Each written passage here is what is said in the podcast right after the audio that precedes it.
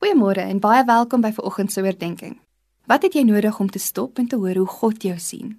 Om daardie dele van jou, die potensiaal wat onontdek lê te begin raak sien. Soos wat ons elke dag aanpak, doen ons dit met 'n sekere selfbeskouing. Die storie wat ons vir onsself vertel oor wie ons is. Dikwels is ons hard op onsself, sien heeltyd foute raak en voel ons nie goed genoeg nie. Ander kere besluit ons ons pas in 'n sekere boksie Ek is 'n skaam senuweeagtige mens of ek is 'n leier wat nie nonsens vat nie of ek is iemand wat maklik misverstaan word. Ons het 'n manier van dink en praat oor onsself. God doen iets drasties om vir Paulus te laat stop. Hy wys vir Paulus uit wie hy tans is en wat hy doen en nooi hom na 'n nuwe identiteit. Sy lewe word heeltemal verander. Hy ontdek dat hy geroep is om groepe mense te inspireer en om op te staan vir sy geloof.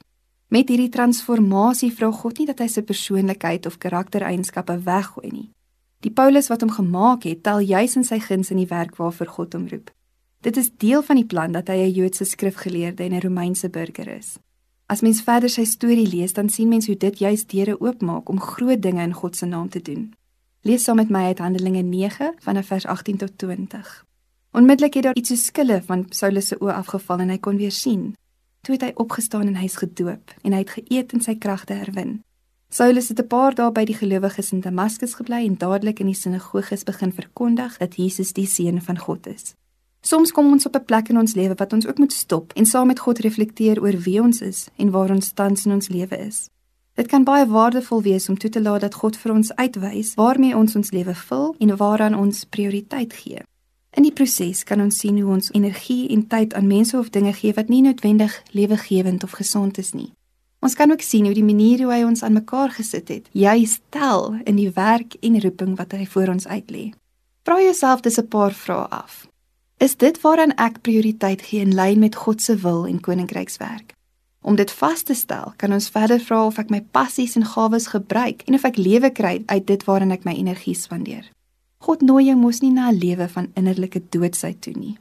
Nog iets wat jy kan vra is of dit moontlik is dat ek iets van my reis met God misverstaan en in verkeerde rigting injaag. Wie is ek?